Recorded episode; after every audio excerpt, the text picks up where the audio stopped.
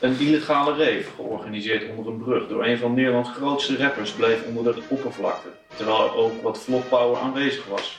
Een andere YouTube-artiest werd de maat gemeten. Langzaam zien we ons land ontwaken en ben je er bijna aan gewend. Maar willen we dat wel? Willen we wel wennen aan iets wat zo vernietigend is voor onze schone kunsten, het samen zijn en genieten van het leven? Want we leven wel, maar soms lijkt het alsof we ons hebben verdoofd, maar wel aanwezig zijn bij onze eigen operatie. Zolang de fanfare blijft spelen, zullen wij niet aan ondergaan. Welkom bij de Clubcast. Prachtig. weer. maar, Ja, wat klopper. nou ja, het was een rapper. Oh ja, sorry. Je broer. Ken je je broer? Van gehoord. Ken je je broer? Oh, sorry, ik dacht het. Nee, nee, niet de broer van hij. Nee, nee, zijn broer. De artiesten. ja. Die ken je wel, toch? Ja. Eh, nee, eigenlijk niet. Nou ja, het, er was, eh, vorige week was er een, eh, was er, was het, eigenlijk was het een, eh, een, een albumlancering van, van zijn album. En hij heeft een, een, rave georganiseerd en er waren toch wel grote artiesten aanwezig.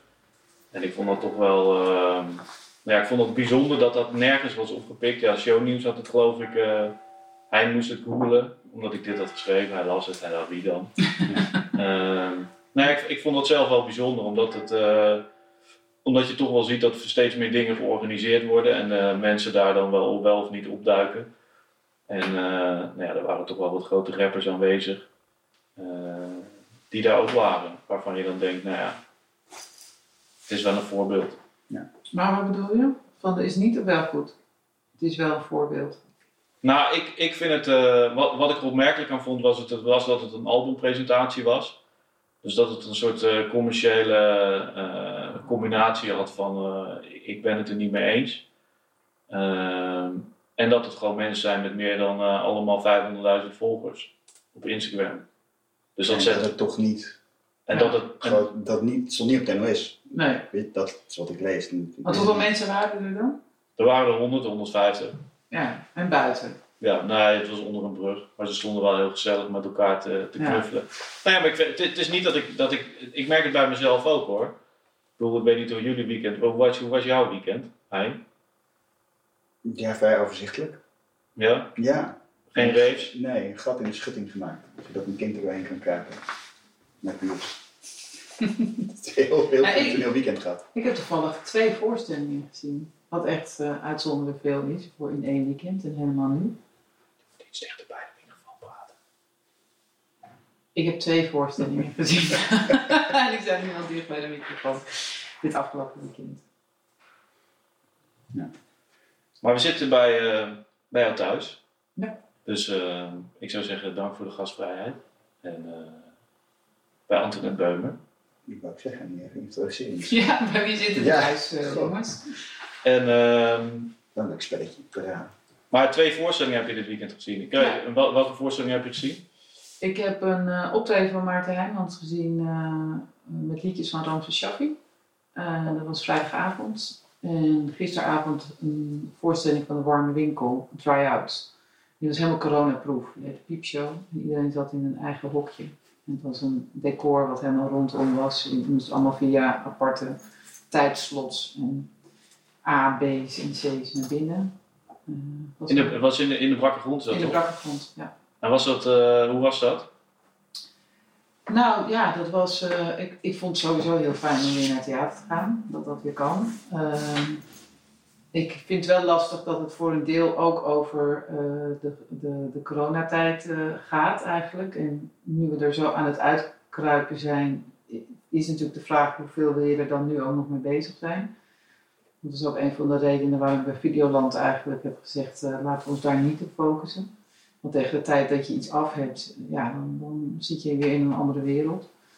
Ehm, maar ik vond het eigenlijk om diezelfde reden ook soms ontroerend. En het was een try-out, dus ik wil er ook niet te veel meteen heel kritisch naar kijken. Eh, ik, vond het, ehm, ik vond het een belevenis. Ik was met mijn dochters en het was heel eh, grappig, omdat ik ze wel hoorde lachen in die verschillende hokjes. Maar doordat je niet meer als publiek één bent, maar allemaal een individu, eh, reageer je volgens mij ook anders. Je zit anders, je, eh, soms was, was je hokje verlicht, dus, en dan kon je ook de overkant goed zien. Dus je was je ineens bewust van allerlei dingen waar je normaal gesproken helemaal niet bewust van bent. Dat vond ik wel Dat vond ik wel een interessante belevenis eigenlijk. En die, en die andere voorstelling, die, die was gewoon, Dat was, ehm, eh, Maarten speelt in mijn film. Ja, Eh, en die had me uitgenodigd en dat was heel erg leuk om te zien. Eh, dat kan hij gewoon supergoed. Eh hij, hij zingt echt... eh, de, de eerste helft van het programma was eh Ramses, eh, nummers van Ramses eh, zoals Ramses het zelf ongeveer had gezongen. En de tweede helft waren nieuwe arrangementen.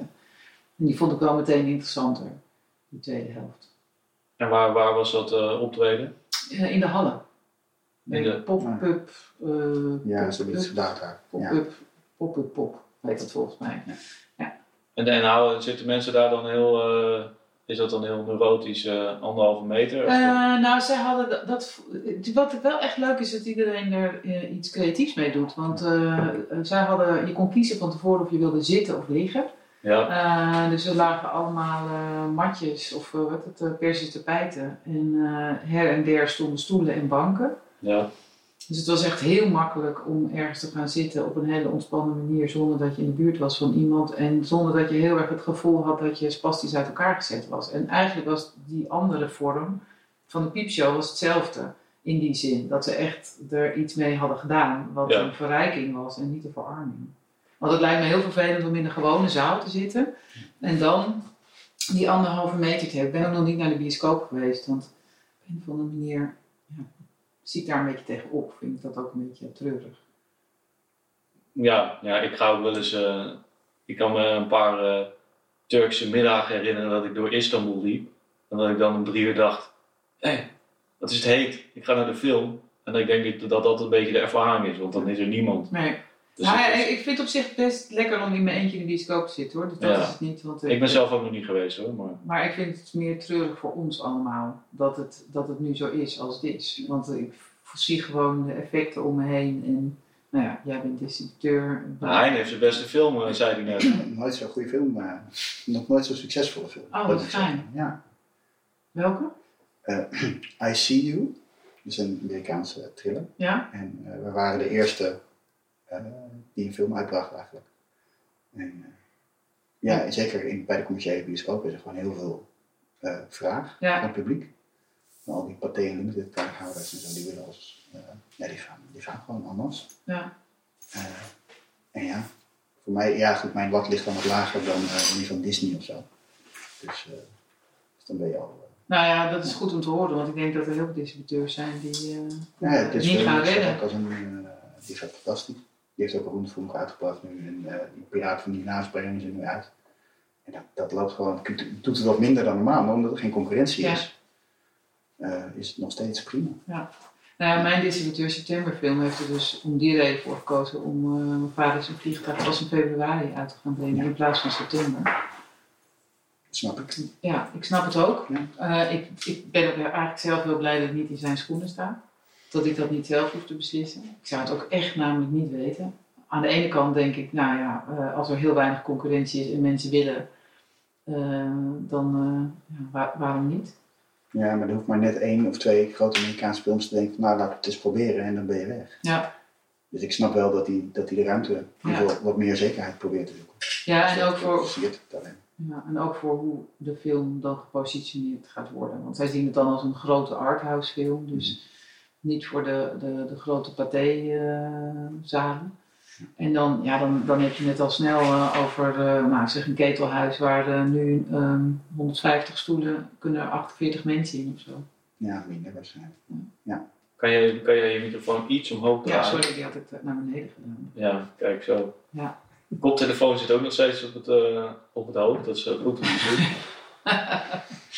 Ja, ijdeltijd. Maar ehm, ehm, we zijn hier vandaag bij jou. Ehm, zou, jij, zou jij ons een klein beetje mee kunnen nemen in, eh, in, in hoe, jij, eh, hoe wij hier bij jou terecht zijn gekomen? Waarom, waarom zitten wij hier? Nee, maar hoe, hoe jij, eh, hoe jij begonnen bent met, jou, met jouw carrière. Want je hebt een, wat je zegt, je hebt hem al genoemd. mijn vader is een vliegtuig, een boek geschreven, een film van gemaakt, waar we denk ik straks nog wel wat verder over kunnen, kunnen doorpraten. Maar kun, kun jij ons kort meenemen hoe je tot die film gekomen bent, zeg maar. Niet waarom je die film bent gemaakt, maar de reis daar naartoe. Zeg. Ehm, ja, dan eh, eh, gewoon in zijn algemeenheid. Want de, de film zelf heeft een, in het onderwerp heeft een hele lange reis. Ja, nee, Eh, dus die, die, die Die- zit die, die, die, die zetten we nog even op elkaar, ja, die lange reis. ja, die lange reis. Ja. Nee, qua vooropleiding heb ik de theaterschool gedaan, de vieropleiding. Dus ik ben eigenlijk theaterregisseur. Ehm, ik wist ook helemaal niet dat filmregisseur een beroep was wat je kon leren op een opleiding. Dus ik kwam eigenlijk meer vanuit eh, acteren. Dus ik eh, acteerde al heel jong eh, voorstellingen. Ik, ik acteerde al heel jong. ehm, speelde ik in, in, in amateurvoorstellingen. Dus dat lag het dichtst bij dat ik dacht dat je kon worden. In welke, welke stad? Amstelveen. Amstelveen, ja. Ja, nee, Is dat? nee, nee, ik moet lachen, want is echt de doodste stad in mijn beleving. Maar eh, dat, het speelt zich veel af in Amsterdam natuurlijk. Ja. Ehm, maar daar ben ik opgegroeid. Eh, dus ik ben op een gegeven moment naar theaterschool gegaan omdat ik toelating deed voor de eh, acteeropleiding. en bij de theateruniversiteit van ehm, dramaturgie zat ik in een soort vast gezelschap. En daar speelde ik dan eh, een heel jaar door allemaal verschillende rolletjes. Het stelde allemaal heel weinig voor. Ehm, maar het was wel heel leerzaam. En de laatste voorstelling werd gemaakt door een docent die dan altijd eh, een soort klapper van het jaar maakte. En dat was dan een hele grootste voorstelling. En ik speelde uh, serveerster en paard. Ik had gewoon twee hele kleine rolletjes. Was ook niet echt heel eh, talentvol. Ehm, maar toen zat ik dus tussendoor heel vaak naast hem. En toen dacht ik ineens, jeetje, dat is het. Weet je wel, dat vind ik veel en veel leuker. Dus toen heb ik me ook aangemeld bij de regieopleiding voor theaterschool. En daar werd ik toen aangenomen. En Hoe, bij- hoe doe je toelating daarvoor? Want ik heb, ik heb ooit één keer een toelating gedaan voor de toneelschool. Toen moest ik ook kapje spelen of zo. Maar wa- wat moet je doen als je toelating doet voor de regie? Dat lijkt me best. Want voor film kun je nog zo van zeggen: ah, Kijk, ik heb een film gemaakt. Als je 18 bent, dan heb je wat aan elkaar geknutseld. Ja, het was Maar- heel veel doen. Het waren Ja. een aantal weekenden, workshop-achtige weekenden. Toen was dat. Ehm, en dan eh, moest je, eh, ja, het, eindigde ook met een soort solo die je dan zelf speelde, maar ook zelf moest vormgeven. Het enige wat ik me kan herinneren was dat ik op Albinoni, Adagio van Albinoni in een kist zat en wormen naar buiten gooide of zoiets. Het is het enige wat me nog gebleven van die toelating. Maar daar vonden ze schijnbaar toch wel interessant genoeg om aan te nemen. Dus je moet ook meer laten zien dat je in staat bent iets te, in beweging te zetten, Ja. keus. Ja, ja, ja. Maar dat is wel eigenlijk, kijk, kijken ze dan naar wat je fysiek doet op dat moment, in plaats van dat je een product. Ik denk dat ze naar het hele plaatje kijken. Ja. Ik denk dat ze, eh, dat, volgens mij is het nu allemaal echt anders hoor. Maar toen, want nu nemen ze ook maar vijf mensen aan. En volgens mij moet je ook wat ouder zijn. En ik was trouwens ook niet meer heel jong. Want ik had nog heel veel vooropleidingen daarvoor gedaan. Omdat ik gewoon echt niet wist wat ik wilde. Ja, En sowieso ehm, ook eh, met name MAVO 3 al van de school af was gaan en in de kapperszaak werkte. En dus nou, het duurde vrij lang voordat ik bij een HBO-opleiding eh, uitkwam. hoe oud was je dan toen je begon? Volgens mij was ik 23 toen ik werd uh, toegelaten. Ja. Ja, dan hebben sommige mensen al een. eh, Ja, die hebben al een hele studie de studie, zitten. Ja. Ja. Eh, nee, dus ik- dat heb gedaan. Ehm, en eigenlijk, eh, grappig genoeg, bij die piepshow voorstelling die ik dus gisteren zag, zat ik te praten met mijn dochters over dat ehm, in mijn tweede jaar of zo had ik ook een voorstelling gemaakt ehm, waar het publiek achter een wit landbouwplastic zat, waar de gaatjes in zaten. En dan, want ik wilde de hele tijd eigenlijk bepalen waar het publiek naar keek. Ik had gewoon heel veel moeite met toneel, met het totale plaatje. Ik had een andere voorstelling dat mensen dan met een mijnlamp op zaten en dan bepaalden waar, eh, waar eigenlijk het licht eh, op het eh, toneel viel. Ja, Om maar te zorgen dat hij een soort van focus kon krijgen in het totaal. ja. En daar heb ik eigenlijk mijn hele opleiding mee geworsteld. Totdat ik in mijn derde jaar een drie camera cursus kreeg. En toen dacht ik net, oh ja, dit is het.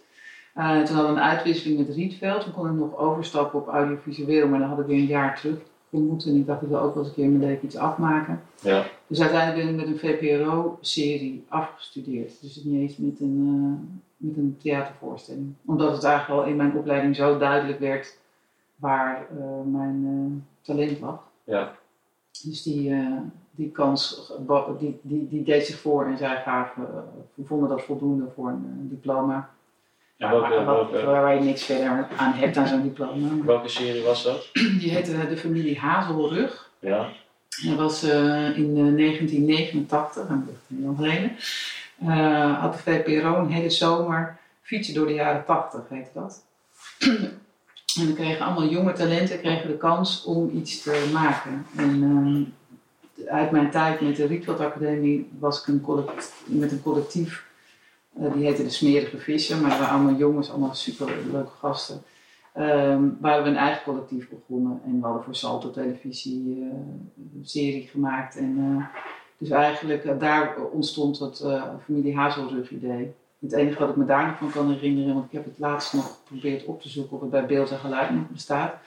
Want het was totaal absurdistisch. Het ging over een parachutist die zelfmoord wilde plegen en dan in de, in de, in de huiskamer van de familie kwam te hangen en daar dus aan zijn parachute hing. En dan ging het eigenlijk over die familie waar hij dan in hing. En met allemaal hele rare Maar dat had je met die groep mensen, met die groep jongens, dat je dat bedacht? Ja, ja. Ja. En schreef je daar dan, wa- was dat eh, in, in, in- geïmproviseerd of was dat gewoon... Nee, nee, nee. We hadden echt wel een goede taakverdeling. Ja. Eh, dus eh, eh, ja, ik deed dan eh, regie eh, en eh iemand anders deed camera, geluid. ehm, en met elkaar hebben we volgens mij, en met acteurs, hebben we dat scenario. Ja, het was allemaal heel, ik had echt geen idee qua, hoe dat moest, een scenario. Maar toch Ja. hebben we vijf delen. Het was gewoon vijf weken lang iedere aflevering, iets van 20 minuten of zo. eh, een totaal. eh, Dus ergens, ergens op. VHS ligt dit nog eh, weg te stoffen. Dus als iemand hem kan vinden, dan... Ja, ik denk dat het echt eh, totaal, eh, dat was ook met iets met een lichtgevende hond of zo. Nou, maar echt hele, hele eh, bizarre dingen zaten erin. Maar goed, je was toen eh 27. Ja, zoiets, ja. En omdat ik met die jongens ook eh, voor Salto maakten we dan heel veel programma's waar eh, we ook mensen moesten interviewen. Ja, Dus als iemand in beeld iets moest doen, dan deed ik dat. ja, Eh, dus toen heb ik ook nog even een zijpad eh, bewandeld, want toen kregen we, werden door al die omroepen gevraagd, omdat we dan opvielen als een kunstzinnig eh, groepje. ja. jonge makers. Eh, en eh, toen heb ik bij de KRO een jongerenprogramma gepresenteerd. En uiteindelijk heb ik toen ook nog bij Film, dat heet Filmnet, wat nu, wat is dat, Canal Plus? Of, Ja, nee. Net 1. Nou ja, in ieder geval wat vro- vroeger Filmnet was. Heb ik een jaar lang, ah, het was helemaal een speeltuin, was ik presentatrice van een talkshow, van een quiz, van drie, drie, vier keer in de week op tv. Super grappig. Niemand zag het, want het was achter een, eh, Echt een kastje. Achter een kastje. Nou ja, dit was dan wel, werd wel vrij uitgezonden. Maar niemand wist dat. Dus gek genoeg wisten ze het in België wel. Dus ik, in België was, Was het je even, Beroemd in België. even herkenden ze me in België. Ja. En, Ik van- deed het met Michel Follet, heette die. Dat was een Belgische presentator. Een Belgisch-Nederlands programma. en die groep, groep mensen, heb je daar nog steeds eh, contact mee? Met die, nee. Nee, nee, ze zijn allemaal wel. Nou, eh, Marco eh, Vermaas zat erin. Die Ja. doet nu uh, geluidsnabewerking. Ja. Dus die is een hele andere kant op gegaan. Ehm, nee, er zaten veel vormgevers bij. Ja. Het was echt een hele leuke, dikke tuiner zat erbij. Ik weet niet of je nou Ja, wat zegt. Ja, Ja, die naam. Ja. Ja. met dat clubje. En vanuit daaruit, eh, Oh ja, vanuit daar. Toen eh, was ik klaar met school en eh, toen heb ik eh, een paar jaar bij eindexamenfilms van de Filmacademie regieassistentie en opnameleiding gedaan. Commercials, allemaal dat soort dingen. Ehm, series. Omdat ik dacht, ja, ik wil eigenlijk gewoon zelf gaan regisseren, maar dat heb ik niet geleerd. ja. Ehm, en toen kreeg ik op een gegeven moment van Johan Nijnhuis, die assisteerde ik en die ging naar Goede Tijden. Die zei, wil je niet ehm, een jaartje Goede Tijden komen doen? Eh, want als je het ergens leert, is daar. Dus toen heb ik dat gedaan. Ehm, en daarvoor had ik wel een één camera regie gedaan. Dat was Recht voor zijn raap. Dat was, een, eh, was ook zo'n talent eh, vroeger. Dat was ook gewoon nog op film met één camera. en toen dacht ik wel, oh ja, ik kan, het kan het echt nog niet. Dus dat was echt, echt zweten. Want toen was ik zwanger van mijn eerste kind, die nu 27 is. Dus dat, is, dat was mijn eerste regie. Ja. En daarna kwam Goede Tijden en ehm, volgens mij kwam daarna Spangen of Hertekamp. Ik weet het volgorde niet meer. Hertekamp. Maar veel, veel televisie dus. Ja, ik heb eerst eh, heel veel jaren televisie gedaan. Ehm, en ik kreeg ook, ook ondertussen twee kinderen. Ehm, en ik was daardoor ook wel heel veel weg.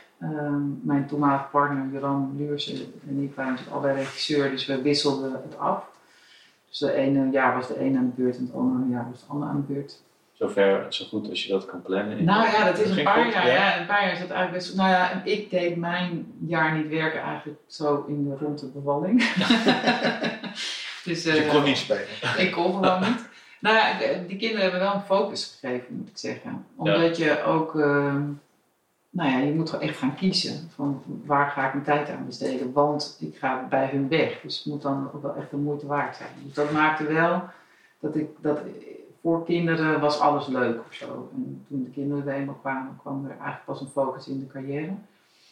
Ehm, en toen, eh, na, even kijken, was bij Spangen volgens mij. Toen was mijn jongste dochter eh, zeven maanden. En, die, eh, en ik woonde dan door de week in Rotterdam. En in de weekenden kwam ik dan naar Amsterdam, hadden een au pair. Ja, En eh, die kon, net begon die te praten en die zei alleen maar papa. En dan zat ik zo boven dat wiegje iedere keer van mama. En dan bleef ze maar papa zeggen. En toen dacht ik, ja, van dat, eh, ik moet iets in mijn leven gaan veranderen. Want anders dan ga ik wel een heel groot deel van, eh, van dit plezier missen. missen. Ja. En toen heb ik besloten om te. En dat, eigenlijk is dat wel een soort van eh, rode draad door mijn carrière geweest. Als ik er nu op terugkijk. Is dat ik eigenlijk iedere zeven jaar. Het is echt wel ongeveer om de zeven jaar het roer omgooi. Dus eh, daar, dat was, eh, nou ja, nog even los van de regie theater, roer naar film. ehm, was het daar van serie naar commercials. Dus ik dacht echt van, ik moet gewoon vaker thuis zijn.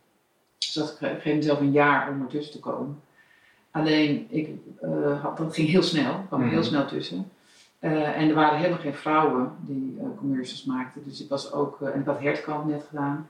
Dus dat was ook een soort, ja, dat sloeg heel goed aan bij eh commercial of bij de reclame mensen in die tijd. Want die hertenkamp. Die hertenkamp, ja, eigenlijk de combinatie van wat ik, ik- mijn kracht werd toch wel heel erg op de humor. Ja, Dus acteurs met humor en het feit dat ik een vrouw was, maakte toch heel veel verschil. Daar heb ik eigenlijk in, in mijn carrière of leven nooit zo heel veel last van of profijt van, maar in ieder geval daar wel. ja. Ehm, in ieder geval voor de eerste paar jaar, want toen was ik echt zo van eh, het snoepje van de week, iedereen wilde wel. En toen maakte ik ook met een paar grote teams echt een hele grote commercials, maar met van heel veel geld ook. En produceerde je dat zelf ook? Of was het... Uiteindelijk wel, ja. Dus Ja. eh, ik heb eerst bij verschillende productiemaatschappijen gezeten, maar ja, ik kreeg zoveel werk en, dat- en dat, was, dat waren echt eh, miljoenen producties. Weet je. Dat was gewoon commercial van 1 miljoen of eh, van 600, 1000. eh de producent me echt zei van ja, moeten we niet nog een draaidag erbij doen? Ik krijg het gewoon niet op, weet je wel. Een totale omgekeerde manier van produceren Een luxe. Totale luxe. En omdat ze je dan ook graag willen houden, kreeg ik gewoon de helft van de, van de winst. En op een gegeven moment dacht ik, ik kan het beter zelf eh, doen. Ja, Dus toen ben ik eh, voor mezelf begonnen. Het Nee. kantoor het, met uh, Helene Dankbaar. Ehm, dus dat hebben we een aantal jaren gedaan, maar eigenlijk begon het daartussendoor wel weer te kriebelen. Plus mijn idee van ik wil wat vaker thuis zijn, was eigenlijk mislukt. Want ik was misschien nog wel minder thuis, eh, omdat ik ook veel in het buitenland. En, eh, en Joran die stopte helemaal met werken, want die zei eh, toen van ja, hier kan ik ook niet meer tegenop verdienen. Dus eh, jaar op jaar af, ga je, doe het maar, zolang als dat het iets oplevert. En dan ga ik daarna wel weer werken. ja. Dus onze levens gingen ook een beetje uit elkaar drijven op die manier. Mijn, mijn leven werd eigenlijk steeds groter en dat van hem steeds kleiner. Eigenlijk het uitgangspunt van Soap eh, geweest, ook eh, de film, Ja. eh, die periode.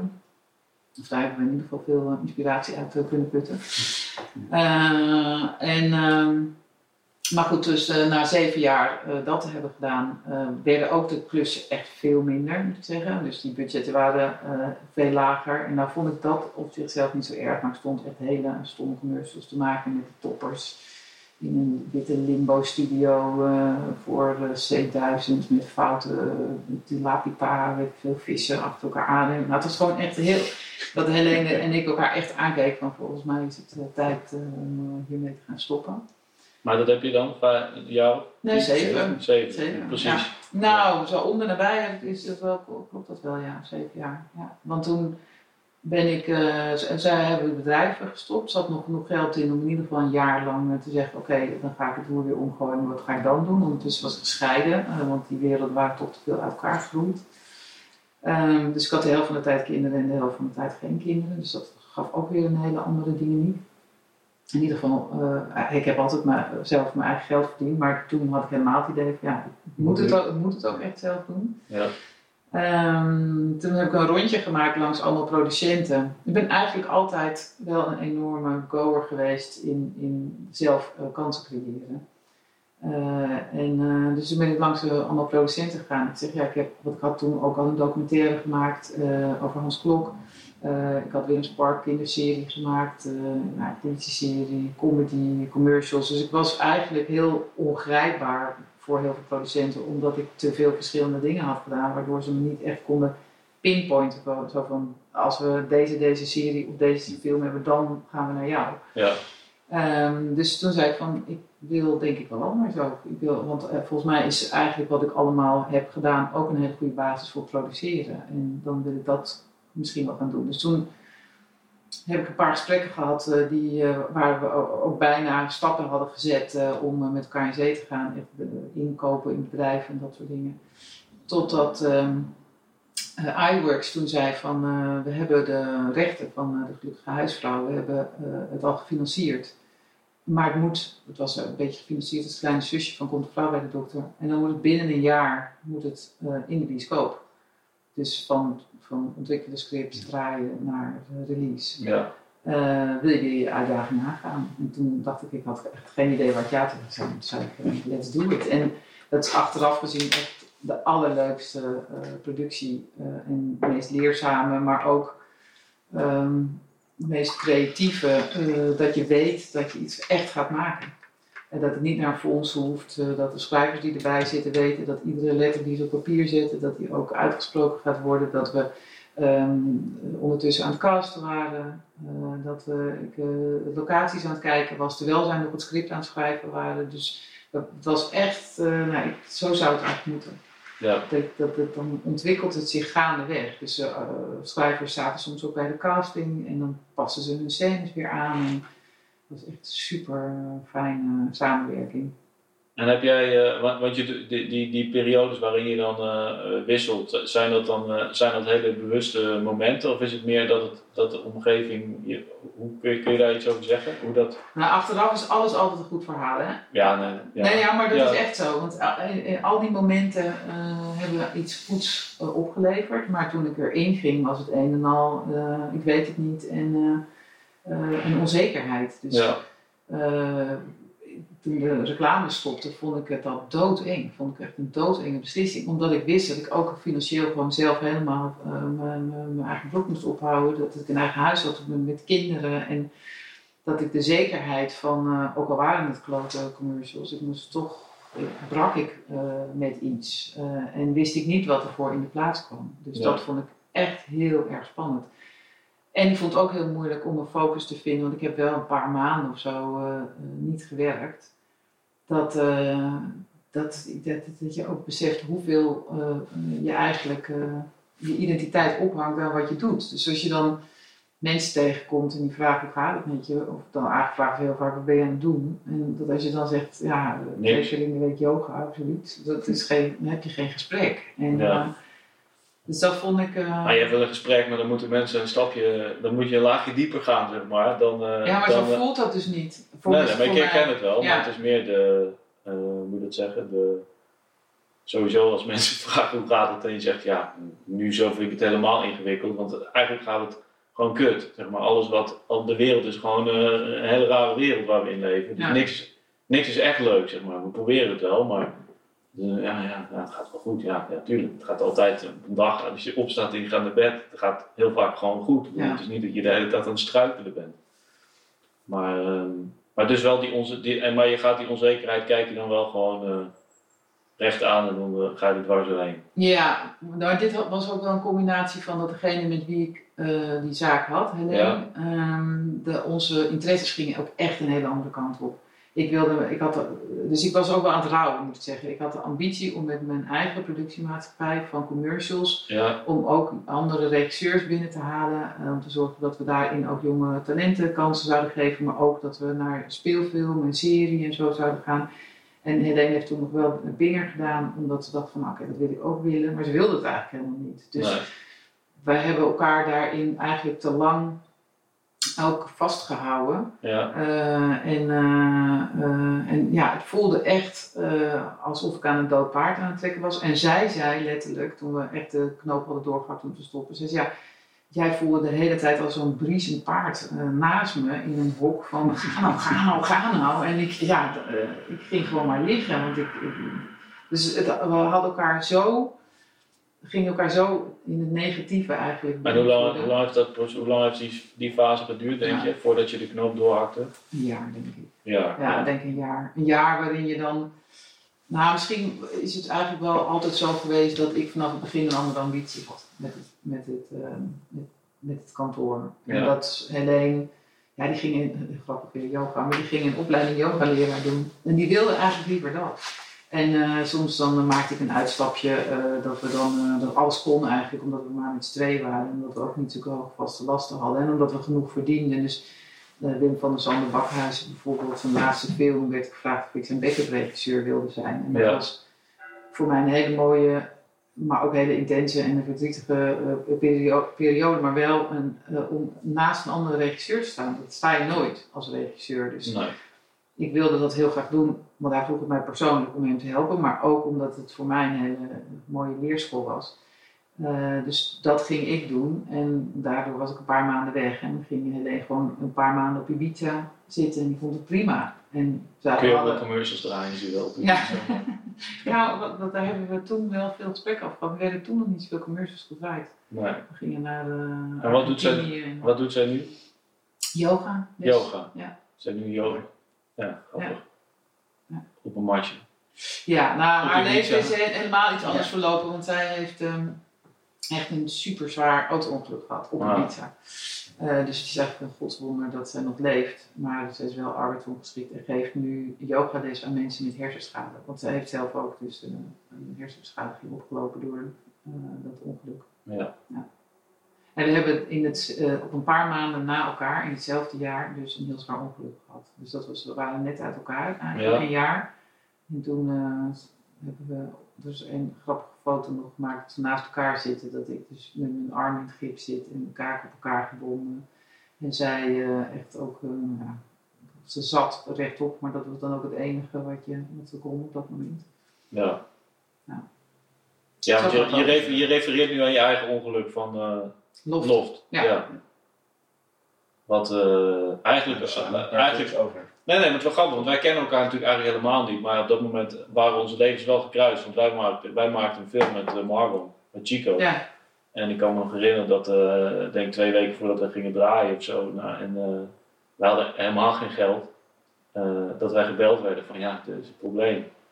En dat wij toen, uh, toen moesten wij, toen gingen we allemaal dingen uitzoeken of we het konden uitstellen. En, dat kon allemaal niet. En ja, toen hebben ze volgens mij, is toen hebben ze al zijn scènes afgedraaid. Zonder mij. Ja, en toen uh, kwam hij uh, de avond voordat we weggingen, volgens mij de, ja, de avond voor de eerste scène, kwam hij om tien uur s'avonds kwam hij aan. En moesten we hem knippen. En de volgende dag was die, stond hij op de set. En gelukkig was hij de eerste twee, drie dagen, hoefde hij niet zo heel veel te doen. We moesten de eerste paar scènes ligt hij alleen maar in de taxi. Een beetje voor Pampus. Dus dat was voor hem wel prettig. Maar ja, toen, dat was wel een uh, voor ons was het intens op dat moment, maar ik kan me voorstellen voor jou nog veel, veel intenser. Ja. Dat was je tweede, tweede film? Ja. ja. Nou, dat was sowieso een rare periode, want het was heel dicht op uh, de gelukkige huisvrouwen. Te snel? Ja, misschien. Uh, nou, ik heb die kans met twee handen aangegrepen. Ik ja. zou hem nu niet meer doen, een remake, maar toen was het voor mij echt een heel goede moment om, want nou goed, gelukkig huisvrouw was uh, succesvol, succesvol uh, ja. veel succesvoller dan, uh, dan de verwachting was. Ze dachten echt, ja, van, hoewel de titel is natuurlijk een hele grote titel, Helene van Rooyen, en het boek had een miljoen exemplaren verkocht of zo, dus de titel was echt heel groot.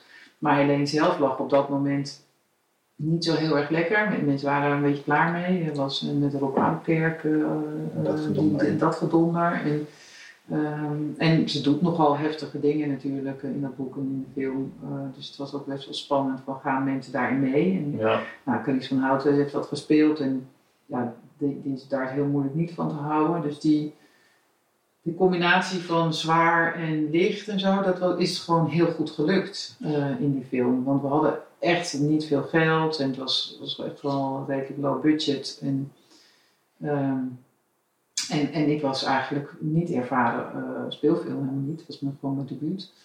Maar goed, ik was wel 47, hè, dus het was niet dat ik net aan het ei eh, was gevlogen of zo. nee. Ehm, maar dus toen werd ik, kreeg ik wel meteen allerlei aanbiedingen van vrouwenfilms met moeilijke problemen.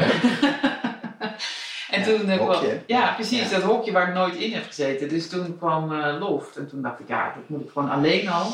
Vanwege eh, het genre, het was driedubbel budget eh, van de gelukkige huisvrouw. Ik kon laten zien dat ik ook mooi kon filmen, dat het niet alleen maar eh rauw Er was ook al weer, was het al, ja, was ook al Het was waarschijnlijk. helemaal gefinancierd, ja. Ja, Ja, maar dat was eigenlijk een hele rare productie, want er was voor een deel ook al gecast. ja, Eh, de crew was voor een heel groot deel dezelfde als de eerste.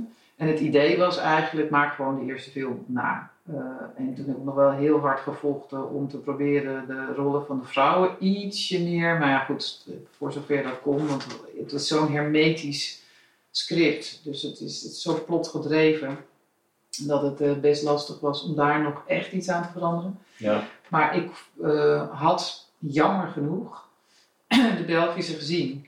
Mhm. Omdat uh, Rakel van Bommel, de producent, mij gevraagd had. Dat die had, had ik leren kennen. Zij was de distributeur van um, See You in Vegas.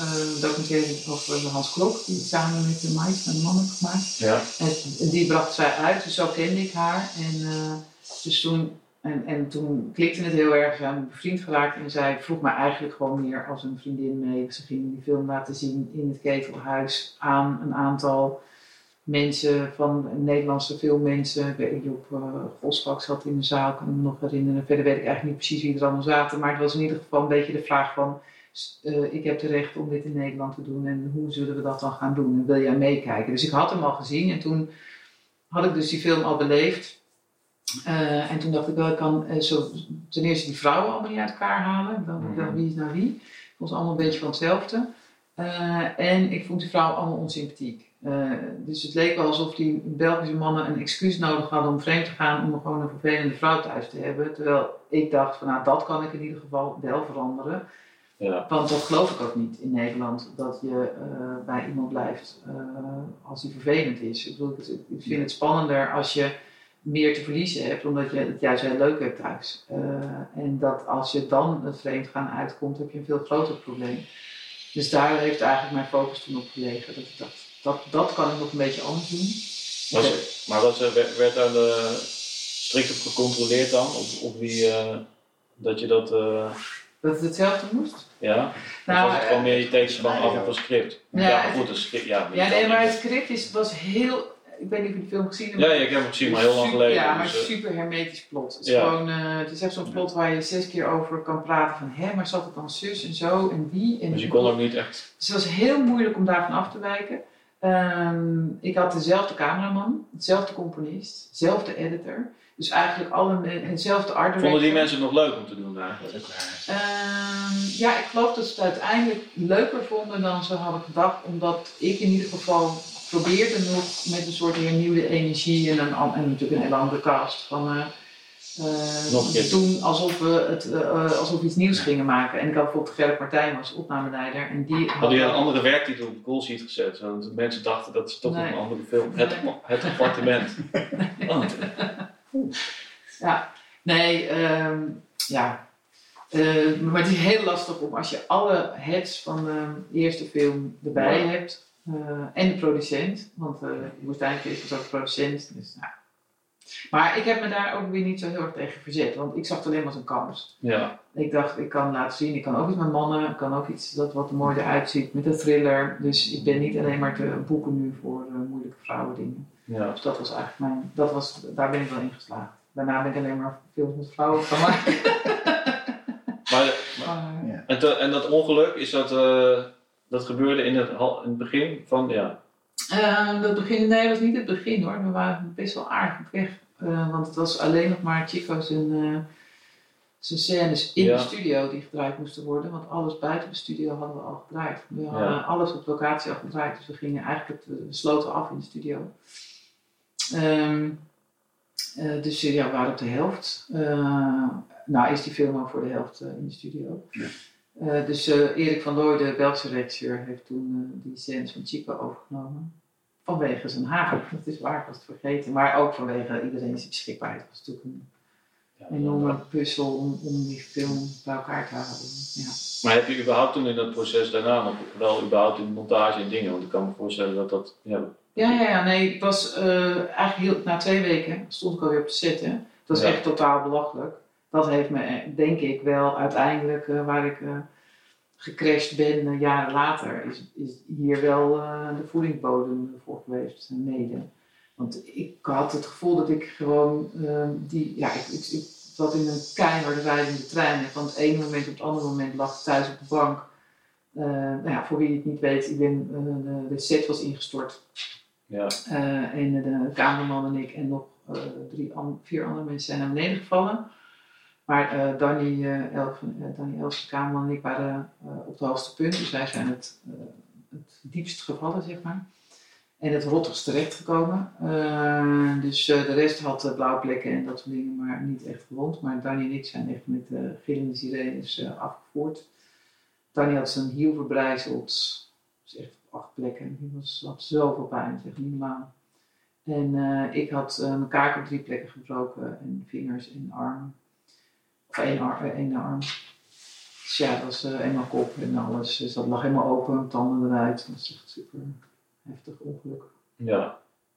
Maar dan toch weer snel op die wagen. Ja, dus na twee weken zat ik naast de cameraman, die zat in een rolstoel. Ik zat eh, met twee armen in gips en die kaak op elkaar. Mijn man was mee met een eh, blender, want ik kon helemaal niet eh, eten.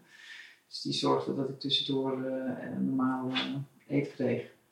En zo heb ik de film eh, afgemaakt in België.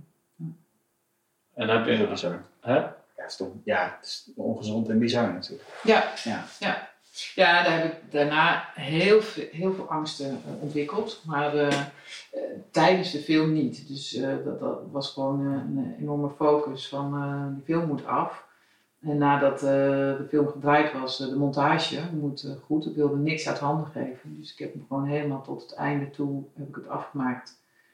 En toen weet ik nog dat we tussen de geluid, geloof ik, en het beeld dat ik naar Italië ben gegaan op vakantie en toen begon ik te ontdekken dat het toch wel niet helemaal goed met mij ging. Toen werd ik ineens, ik was voor alles bang.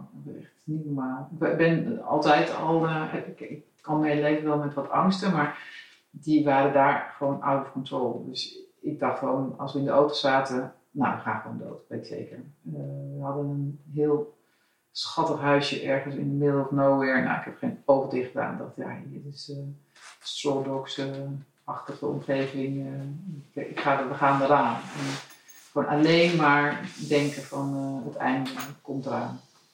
Dus dat, uh, maar toen, was de film, dat was, toen moest de film nog af? Toen moest de film nog af, ja. Dus ja. Dat, dat, dat, begon daar. En, uh, maar hoe, en hoe, wat zei jouw man, wat, hoe was jouw man daarin dan? Die, zei, die, die begreep dat, het, dat je het af wilde maken? Of hoe, die zei, die, die vond je niet...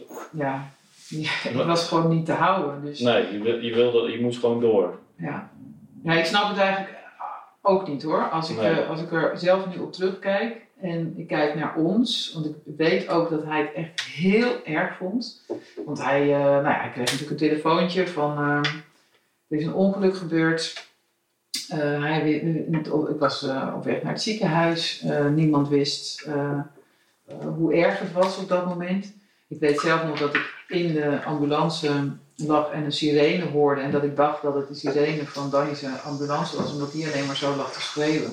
En ik was eigenlijk heel stil. Ik was gewoon totaal stil. Ik kwam helemaal geen geluid uit mij. En ik was ook half bewusteloos en dan kwam ik weer een beetje bij. Ik was heel erg gefocust op mijn dochter. Die was op de set. Die was erbij. Dat was echt vreselijk dramatisch. Die was twaalf of zo. Dus was, die moest ik achterlaten terwijl ik een ambulance in ging. Dus ik was mijn focus lag eigenlijk helemaal daar. Ja. En dus Mike heeft gewoon uren gehad dat hij op weg was naar Brussel en gewoon niet wist wat er aan de hand was. Ik ging een scan in, ze wisten niet of ik hersenletsel had, of uh, misschien mijn rug gebroken, of verlamd. Of, het was gewoon totaal onduidelijk wat er aan de hand was. Uh, en tegen de tijd dat hij dus die uh, eerste hulp in kwam rennen, toen was ik zo opgelucht. Want nou, ik wist dus wat er aan de hand was. Mijn kaken was maar gebroken. En het, het, was allemaal helemaal niet zo erg. Nee. Uh, ik had ook geen idee hoe ik eruit zag. Dus ik had ook mezelf helemaal niet in de spiegel gezien. Maar ik wist dus ook niet dat mijn, mijn kaken helemaal scheef stonden. En dat mijn tanden eruit waren. En dat er, ik was gehecht en zo. En ik had allemaal wonden in mijn gezicht. Dus toen hij binnenkwam, zag ik er verschrikkelijk uit. En ik zei alleen maar met een big smile van... het gaat hartstikke goed. Het is echt zo'n geluk gehad. Ik was echt alleen, ik was euforisch over hoeveel geluk ik had gehad. En eigenlijk heb ik die twee weken thuis op de bank ook alleen maar gedacht, ik had gewoon dood kunnen zijn en ik leef nog. En ik had verlamd kunnen zijn, dat is niet gebeurd. Dus ik was gewoon alleen maar gericht op, uh, er is niets aan de hand, let's ja. go. En, uh, en hij zag gewoon dat, dat ik niet voor reden vatbaar was. Dus ja, dat liep me En was het dan, was het dan uh, verlengde vorm van adrenaline? Ik bedoel, als ik, ik veel vroeger als ik uh, op mijn wielrenfiets zat en ik viel, dan wil je gewoon weer opstaan. Dan heb je helemaal niet in de gaten. En dan was de dag daarna dat ik denk, ja, mijn lijf zegt eigenlijk, is gewoon helemaal scheef. Ja. Dat kan helemaal niet. Uh, maar dit is natuurlijk, een ongeluk is natuurlijk nog, nog intenser. Ja. ja, nee, ik denk zeker dat het, uh, het heel veel adrenaline is geweest. Ja. Want er is ook nog, ik kan me ook nog herinneren dat we één bijeenkomst hadden met Erik van Looy en ik had allemaal aantekeningen probeer, ik kon ook niet meer, ik kon natuurlijk niks meer, want ik zag allebei, allebei mijn handen uit in het gips. Dus ik kon ook geen aantekeningen maken. Ik had geloof ik nog één duim die niet, in het gips zat, waar ik dan uh, mee uh, kon uh, typen. dus dan probeerde ik zo al mijn aantekeningen voor hem in te maken. En dan hadden we een gesprek. En dat ging heel goed. En toen ging die weg. En toen zei ik tegen mij, wil je me naar het ziekenhuis brengen? Want ik geloof dat, dat het niet goed gaat. uiteindelijk kon ik gewoon thuis blijven. Maar ik dacht echt, dat, pas als mensen weggingen uh, en ik, voelde ik pas wat ik voelde. Ik had zo, zoveel pijn en was zo, ik voelde me zo ellendig. Maar dan kon ik dan door die adrenaline, uh, kon ik me dat helemaal overstijgen. Ja. En ben, ben, je vanuit daaruit dan meteen doorgaan met, met wat je zegt net, ik ben, ben ingestort, maar heb je, heb je vanuit daaruit dan een, ben je vanuit daaruit anders naar je vak gaan kijken of anders naar je naar de manier waarop je dat, dat deed? Of hoe, hoe, nee, helemaal nee, niet. helemaal niet. Nee, dat, dat is eigenlijk pas veel later gekomen. Nee, ik ben uh, eigenlijk gewoon doorgegaan. Dus uh, ik, ik, ik, weet in die vakantie dat ik daar al wel al dus, uh, die angst had. En die, die voelde ik wel heel duidelijk, maar die heb ik ook meteen weer onderdrukt. ik dacht ook dat ligt aan die plek, daar. Want ja. dat was Italië, een eng, eng huisje en daar, daar komt het door. Um, en toen heb ik Jackie dus gemaakt. Ja. Maar daar, dat was helemaal in Amerika. Dus ik moest ineens de hele tijd vliegen. En ik ontwikkelde best wel heftige vliegangst ook. Dus, uh, en omdat ik heel veel onder behandeling was bij de tandarts, omdat al die tanden eruit waren en omdat mijn kaak scheef was en het bleek ook een discus. Nou, in ieder geval een lang verhaal. Ik kreeg van de tandarts voor iedere behandeling kreeg ik um, uh, diazepam. Ja, Om, zeg maar. uh, nou ja, dat is is, vrij- het klinkt heftig, want ik ken het niet, dus het zal waarschijnlijk niet bij de etels liggen. nee, die heeft zeker niet bij de etels, maar het is eigenlijk een spierverslapper. Ja. Maar je Eh, gaat er ook van hallucineren? of zo? Nee, het, nee? het remde mijn angsten. Dus Ah, eh, ik heb daarna steeds aan de tandarts, als ik ging vliegen, vroeg ik weer een, eh, een recept voor, voor diazepam. Dus mijn tandarts werd eigenlijk mijn supplier. Die heeft me de hele Jackie-productie doorgeholpen. Want Jackie was een verhaal wat je was. Jackie was een film met. eh, eh, eigenlijk was na De Gelukkige Huisvrouw. eh, wilden we met hetzelfde team heel graag weer een nieuwe film maken. En eigenlijk Ja. kwam Lof daar tussendoor. Maar we, we hadden wel meteen zoiets van. eh, deze samenwerking is gewoon zo goed gegaan. Dus de, ook de producent zei: we willen daarin investeren. En Ja. met, wilde ook weer met uh, Carice, dus gewoon echt helemaal hetzelfde team. En Carice wilde al heel lang iets met uh, Jelka. Ja. Dus toen eh, kwam het idee om iets met uh, Carice en Jelka samen te doen. En um, Marnie Blok en Karin Hospelikaan, de scenario-schrijvers, hadden een idee al heel lang liggen over twee zussen met een roadtrip. Ja. Dus toen, ja, daar kwam eigenlijk alles samen. En zijn we die film gaan maken. Maar dat was, was was heel snel eigenlijk ook weer naar Loft.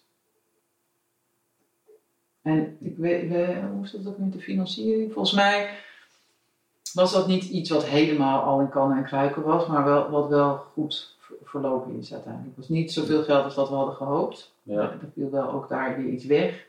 Maar ja, we hadden wel Holly Hunter bijvoorbeeld erin. En Maar dat is 2000, eh eh, elf. 2011. Ja, ik, ik weet die data zo goed, omdat eh, ja, iedere set wel een ander drama meegemaakt. Maar mijn vader overleed eh, tijdens eh, dat ik in Amerika was. Eh, dus ehm, dat was de volgende Volgende klap die Ja. erop kwam. Ja. En wanneer, wanneer ben je dan naar anders, wanneer, ben je wanneer is die fase ingegaan dat je anders naar je werk keek dan? Of anders met je werk omging? Of die Ehm, volgende zeven jaar inging? Ja, dat, dat, Hè, dat zit- nog een paar jaar door. Gewoon een paar Ja. jaar. Ja. Eh, nee, oké. eh, dan eh, even wat sneller. Dus Jackie, da- daar inderdaad overleed mijn vader. Dat was ehm, eh, echt wel een klap, maar aan de andere kant ook een opluchting. Want mijn vader die heeft meer dan 30 jaar in psychiatrische inrichting gewoond, is daar ook dood gegaan en was... Ja, had eigenlijk gewoon een heel erg treurig leven. Dus Ja. dat hij dat, dat, dat leven ophield, was op zichzelf eigenlijk best wel een, ehm, een zegen voor hem en voor ons. Ehm, maar mijn moeder werd in hetzelfde jaar, eh, kreeg de diagnose dat ze uitgezaaide borstkanker had. Dus eh, daar was eigenlijk mijn focus heel erg op gericht. Want die kreeg allemaal belangrijke uitslagen als ik in Amerika was. Ja.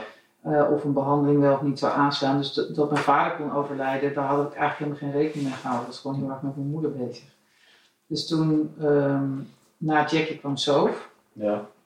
In de tussentijd ben ik eh, met eh, mede-eigenaar van Mail Street Film van de Raad van Bommel geworden. We waren eigenlijk na Hans Klok al, nou, wat ik zei, bevriend. En, Hans Klok heeft jullie in het echt verbonden. ja.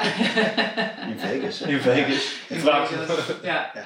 Nee, en, en toen ik Rakel ontmoette, dacht ik echt zo van, wow, er bestaat nog iemand die, er bestaat iemand die nog harder kan rennen dan ik. Dus dat vond ik eh, toen echt eh, een, ik dacht, oh, nou, daar, daar wil ik gewoon bij horen. Ja. En ik kan me nog heel goed herinneren dat wij ehm, naar Denemarken gingen, is even een klein uitstapje. Dat was, we hadden besloten om samen dat bedrijf te gaan doen. Of het bedrijf bestond al, maar ik zou er gewoon inkomen.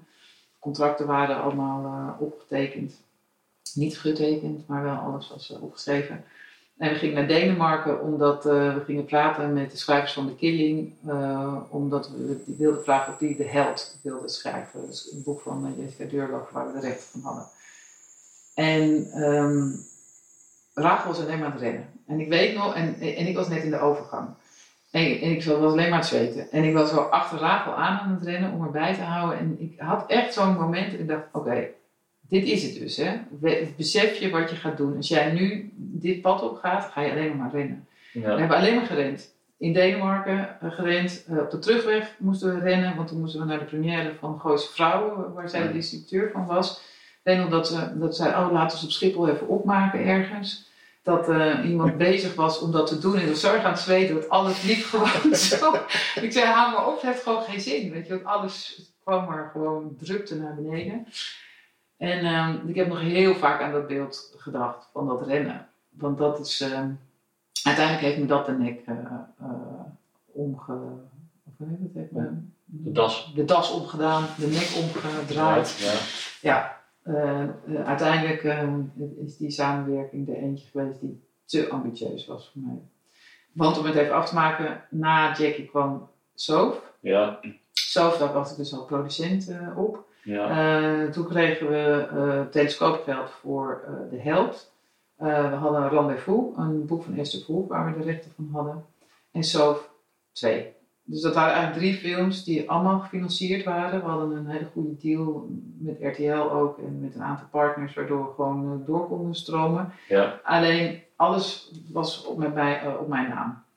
En we hadden nieuwe buren, serie voor RTL ook. Dus ik, wist gewoon niet meer hoe ik het moest doen. Het was gewoon zo ongelooflijk veel werk. En we probeerden bij eh, Rendezvous een andere regisseur. Ja, als producent kan dat, als producent kan dat wel, maar als je het ook allemaal moet regisseren, dan eh, Ja. is het wel even een ander eh, Ja. goed idee. Ja. Andere, Ja, dat ging gewoon niet. En en bij Soof, laat ik het belangrijkste niet vergeten, eh, is mijn moeder overleden. Dus Ehm, op de eerste draaidag van zo was mijn moeder op de intensive care opgenomen op Curaçao. Dus toen vloog mijn zussen daarheen. Die, die was bijna dood. Ik dacht, ik wilde zo graag een keer een film waar het gewoon een feestje was en er niks aan de hand was Ja. eh, in mijn privéleven. Uh, dat is overigens wel gelukt, want mijn moeder kwam terug en eh, die heeft toen best nog wel een tijdje geleefd en, eh, en ook goed geleefd en zo. Dus eh, ik kon zelf eh, wel gewoon goed eh, afmaken. Eh, maar tijdens de montage is ze dus eh, overleden. Eh, en daar is wel bij mij toen iets gebeurd. En ik, wist meteen ook toen mijn moeder overleed, dacht ik van dit gaat een levensveranderende ervaring worden. Mhm. Maar het is het nu nog niet, maar het gaat mijn leven echt volledig op zijn kop zetten. Dat voelde ik. Ehm, maar ja, ik gaf daar niet aan toe, want ik had een bedrijf en, en heel veel plannen op stapel. En bij Rendezvous is het toen gewoon helemaal misgegaan. Toen dacht ik, eh, oké, al- ik kan deze film misschien nog net afmaken, kan nog net de eindstreep halen, maar daarna moet ik echt uit alles gestopt, eh, overal eruit gehaald worden, want anders dan ik sliep helemaal niet, ik had heel veel angsten, ik had heel veel pijn. eh, ik wist gewoon niet hoe, hoe ik me de ene voet voor de andere moest zetten. Dus ik heb totaal overspannen een speelfilm gemaakt waarvan ik eigenlijk vanaf dag één al wist dat het niet goed, goede film was. Ja, Dus dat was ook heel eh, frustrerend, dat je iets aan het maken bent en dat je een hele karavaan probeert mee te krijgen. eh, en je kan als kapitein op het schip, kan je gewoon echt niet zeggen van, eh, ja, ik vind het ook niet goed.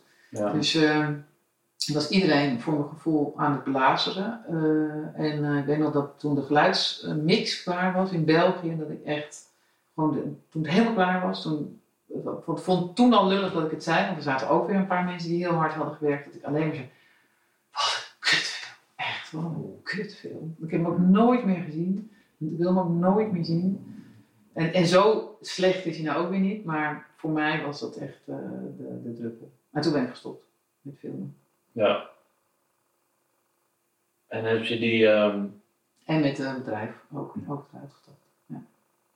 en heb je die, ehm, eh, als je dat vergelijkt met, eh, met het kapiteinschap, als je dan die commercials maakt in dat bedrijf, en, ehm, en hoe je dat dan vergelijkt met de film, heb je dan het gevoel dat je eh, harder moet lopen als regisseur, meer een kapitein moet zijn dan bij die commercials, waarin je gewoon in een dag met een bureau en een klant waar je toch meer eh, Is dat Ja, qua energie? Hoe zou je dat qua energie omschrijven?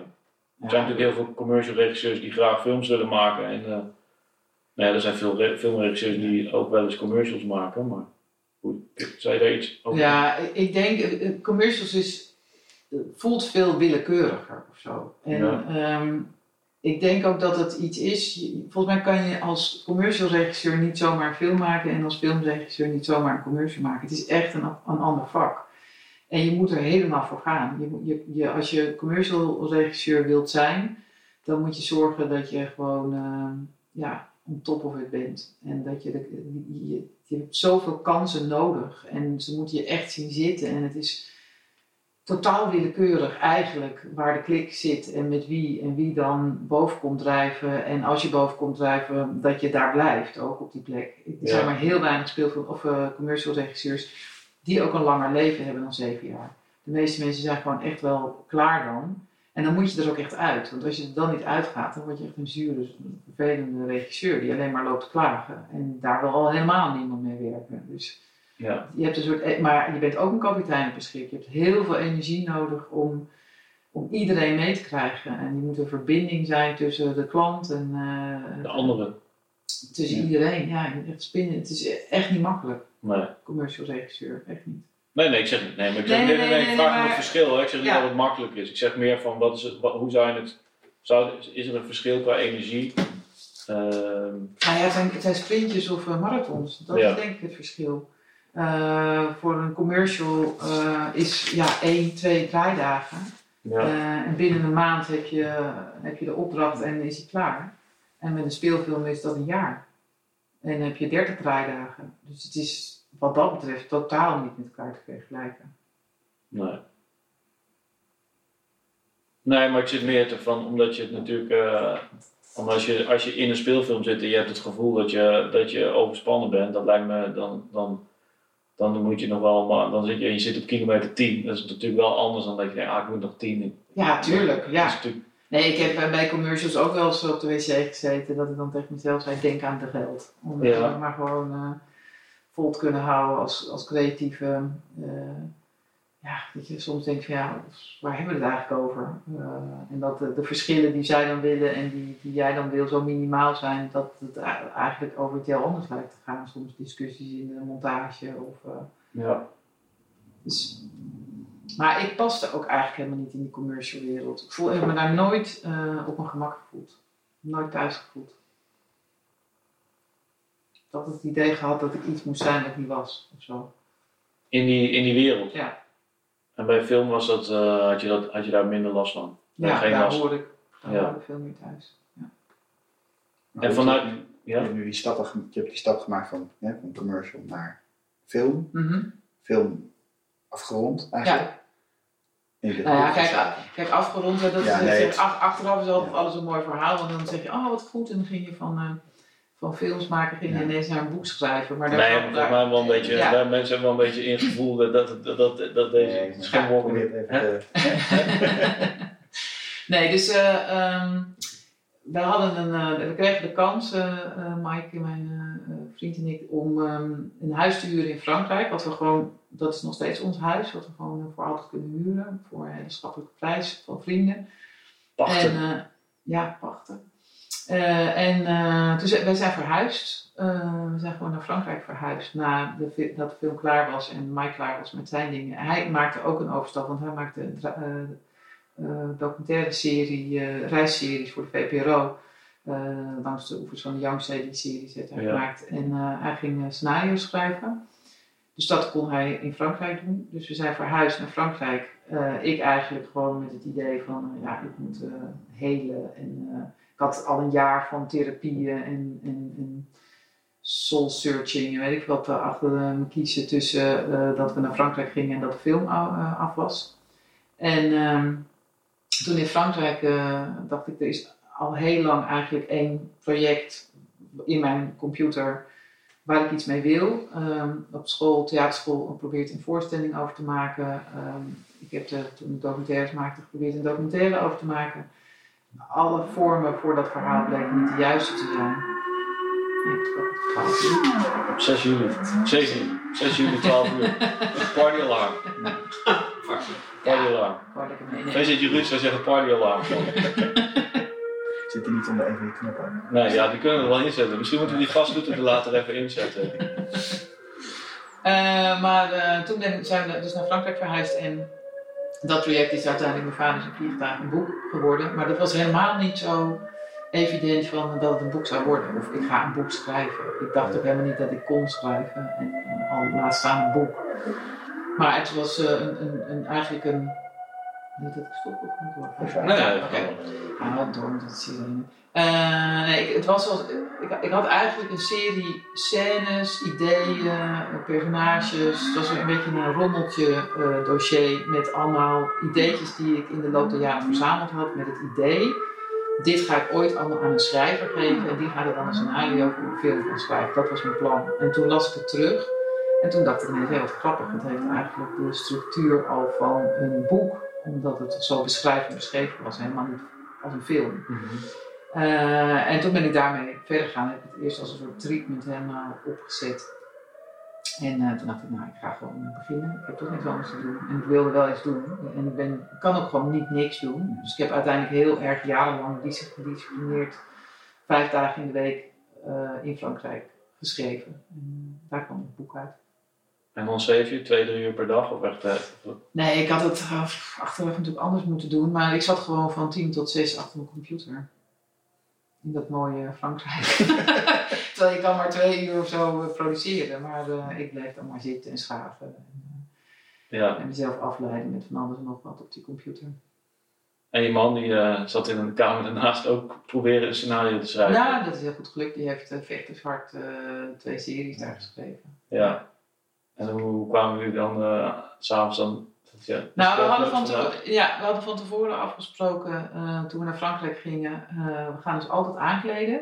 Ja. Alsof we gewoon. Wij hebben eigenlijk geoefend. Je hebt voor de lockdown. Ja, echt. Dat, we, dat zeiden we toen hij hier kwam. Dachten ja, dit is precies zoals we in Frankrijk leefden. Dus voor ons was het helemaal niet nieuw. Want we leefden daar heel erg geïsoleerd. Ja. Ehm nee, Theo zat aan en we gaan niet eh, drinken. Uh, ja, s'avonds een keertje, maar niet gewoon bij de lunch al aan de lijn. Ja. Nou, dan kun je de dag daarna kun je... Niks meer herinneren wat je hebt Nee, dat lijkt me heel ingewikkeld. Nee, inderdaad, s'avonds was toen was jouw dag. En was jouw dag. En soms later we dingen aan elkaar voor. Want je hebt, je hebt, één keer, je hebt eerder met hem, eh, je- die, had je die, die film met Hans Klok, had je Ja. met hem gemaakt? Ja. Want dat, kun je zeggen waarom je, die document, waarom je toen op dat moment een documentaire ging maken? Want dat, het voelt een beetje als een... was een uitstapje, hè? Ja. Ehm, ja, dat kwam omdat ik een commercial maakte met eh, Hans Klok Ja. voor eh, de Telegraaf. En ehm, dat was het moment in zijn leven, dat het was vlak voordat hij naar China ging om daar een grote tour te doen. ja. Maar hij stond ook nog in Duinrail en zo. Eh, zijn broer had hem net bij, van de af, of hij had hem eigenlijk naar de afgrond gebracht van het faillissement. Dus hij had al een periode in eh, de Efteling gestaan om eh, al die schulden weg te werken. En het was heel duidelijk dat het bedrijf zoals het functioneerde, dat dat niet meer ging. Ja. Zijn broer was gewoon eh, leraar op een basisschool. En toen Hans zijn vader doodging, is hij eh, zijn manager geworden, maar kon dat eigenlijk niet. En, eh, maar deed het gewoon voor zijn broer. En uh, er moest gewoon uh, groot geld schieten bij om, voor de ambities van Hans. Maar tegelijkertijd zag ik, omdat met die commercials uh, heel veel voorbereiding, omdat hij moest allemaal goocheltrucs doen. En eigenlijk was het heel grappig om met hem samen eigenlijk die hele commercial vorm te geven. Van hoe, wat, waar kan je een krant uit toveren? Ja, ja. En, wat, kan je met een, wat kan je met een ontbijt? Allemaal anders. Mm. laat, en, en, ik wilde één shot. Dus het was gewoon met hem zoeken naar hoe kunnen we één track doen, waar, waar we niet in knippen, waar allemaal trucs in zitten. Uh, en een blinkmachine en overal liepen konijnen en zo. Toen kon de Telegraaf dat nog doen. Ik zie ze nu niet, uh, ik zie ze nu niet uitpakken met uh, nee. Nee. sowieso geen enkele kroon meer. Nee. Maar dus ik had, nou dat was gewoon een hele leuke ontmoeting met hem. En ik kwam bij hem thuis en ik zag zijn vriend en zijn moeder. En ik dacht, is dit? Ik kende hem alleen maar als die man met die wapperende haren. Grappig genoeg wist ik niet eens dat hij gay was. Ja. Uh, omdat hij altijd met die vrouwen zo optreedt en zo. Dus nou ja, hij had een totaal ander leven dan ik had gedacht. Heel kneuterig, naar Muiden. En, ja. uh, en, en die enorme ambitie dat hij naar Las Vegas speelde. Dus ik dacht, dit is eigenlijk het moment om hem te gaan volgen. Maar ik had het nog nooit gedaan. Dus, en ik wist ook niet of het kon. Of je iemand die allemaal dingen doet die je niet mag laten zien, of je die dan wel kan volgen. Want ja, al repetities, wel alles zie je natuurlijk hoe een truc werkt. Dus Ja. Maar hij had meteen heel veel vertrouwen. Dus ik heb eerst uh, een paar weken in mijn eentje met een camera gewoon uh, alle repetities en overal bij geweest. Uh, maar hij ging me op een gegeven moment ook gebruiken van, je hebt toch gefilmd, kan ik even kijken hoe het werkt. En, dus ik weer, wat vond je eigenlijk van die truc? En, dus ik werd een beetje bijna zijn regisseur voor zijn trucs. Um, en toen, Mike die deed, al, maakte al veel documentaires en deed dan ook altijd het geluid. Hij maakte veel samen met Hans Pol en die deed aan camera en Mike deed het geluid. En met z'n tweeën deed ze altijd uh, op die manier hun films. Ja. Uh, dus toen zei ik van, wil je me helpen? Was eigenlijk in de eerste instantie de vraag. Maar ja, toen werd het steeds groter en groter. Het was ook duidelijk dat ik en hij, uh, hij eigenlijk beter dan ik. zo, ik had die tijd ook helemaal niet om, om, om we zijn er twee jaar mee bezig geweest, om wanneer er iets speelde meteen alles uit mijn handen te laten vallen. Dus um, we hebben de regie samen gedaan. En dat is echt super, super leuk project geweest om te doen. Echt heel erg gek. Als ik had geweten waar ik aan was begonnen, had ik het nooit gedaan. Want we hadden 100 uur materiaal, we hebben vijf maanden. Hij heeft het ook zelf gemonteerd, maar er zat nergens een rem op. Weet je wel, dat, kost, dat is onbetaalbare uh, documentaire geworden. Want wij verdienden gewoon helemaal niks. En we deden, deden het alleen maar omdat we het zo leuk vonden. Ja. Ik zie hem hier toevallig ja, achter ligt mij. ja. ja, nee, dus ik heb er een nieuwe kast. Ik moet mijn kast nog gaan hierruimen. Ja. Ik zou hem gewoon meteen liggen. ik, ik heb hem volgens mij heb ik hem niet gezien. eh. Nee, toch was het in die tijd ook best bijzonder dat zoiets in de bioscoop kwam. Ja. Voor mijn gevoel. Ja, er was ook een mis in. Eh, nee, want uiteindelijk blijken mensen die van Hans Klok te houden niet van documentaires te houden. Mensen die van documentaire houden, houden niet van Hans Klok. Dus dat was Misschien echt jammer. Ik denk dat het nu beter zou werken dan, Ja, dan toen. maar hij heeft op tv gelukkig heel goed gedaan. Ja, maar het bioscoop ging echt heel... We hadden echt de grootste première ever hè, voor een documentaire. We hadden Ambilight première in Tuschinski. In vier zalen of zo. Dat is echt insane gewoon voor een documentaire. Dus er ging echt met een knal ging die, ging die de wereld in en uit. En, en na één weekend kwamen alle kopieën terug. Nou, dat is natuurlijk nog film. 35. Dat is Ja. nog 35. Ja, dat is echt Ja. zo'n flop. Niet normaal. Ben In de bioscoop. Nee. Ja, dat was echt heel erg. Maar goed, het is ook goed om mee te maken. is hij nog wel ergens te zien? Of is het Ja. moeilijk? Ja, hij staat, eh, hij staat ergens op, of op Netflix of op Videoland. Grappig nog weet ik het eigenlijk even niet. Hij nog wel. eh, ik ga, weet niet. Eén van de twee. Zoeken wij het, zetten we in de kom. Ja. Ja. Ehm, we gaan zo meteen nog even verder praten, maar we wilden toch even ons platform eh, in het zonnetje zetten. Het Nederlands Filmfestival. Kun, kun jij een, eh, een, een anekdote, een eerste herinnering of een, eh, een eerste kennismaking? Eh, ja, ehm, Hoeft niet positief te zijn, maar mag nee, nee, negatief nee. zijn. positief eh, was dat eh Hertenkamp had eh, volgens mij eigenlijk een kalf moeten krijgen en heeft hem niet gekregen. Ik weet niet meer hoe dat zat en waarom. Ja, En toen hebben ze besloten om het jaar daarop het een soort speciale kalf te geven. Eh, en, ehm, dus we, en dat wisten we niet, maar we werden wel allemaal gevraagd om te komen. En, eh, eigenlijk wilde je niet, want je had eigenlijk een kalf moeten hebben. nee, ik weet echt niet meer hoe het zat. En ik was ook maar één van de drie regisseurs, dus het was ook, het was ook heel erg de mug met de gouden tand. Ja, ja, ja. eh, collectief, het was heel erg collectief. ehm, dus het was ook heel leuk, want het was ook gewoon een heel collectief wat op het podium stond. Het was echt niet een, eh, een serie van één iemand. Ehm, dus dat was een hele positieve ervaring. Ehm, verder, ja, ik, ik vind dat, maar dat klinkt ook altijd heel snel heel zuur, maar ik heb nooit, mijn werk heeft nooit iets gedaan. Dus Hertenkamp is het enige waar ik dan uh, kalf meegedeeld heb. Op het festival. op het festival, ja. ja. Dus bent ook, ook nooit genomineerd geweest? Zelf persoonlijk? Nee. Nee. Maar je hebt nu nog een eh, Laatste kans. laatste kans. Want is, is het een laatste kans voor jou? Want je, want je zit nu bij, eh, bij Videoland, maar de, de, eh, Mijn vader is een vliegtuig, het boek, eh, waar je een film van hebt gemaakt. Ik heb het boek snel gelezen afgelopen weekend, dus ik vond het een mooi boek.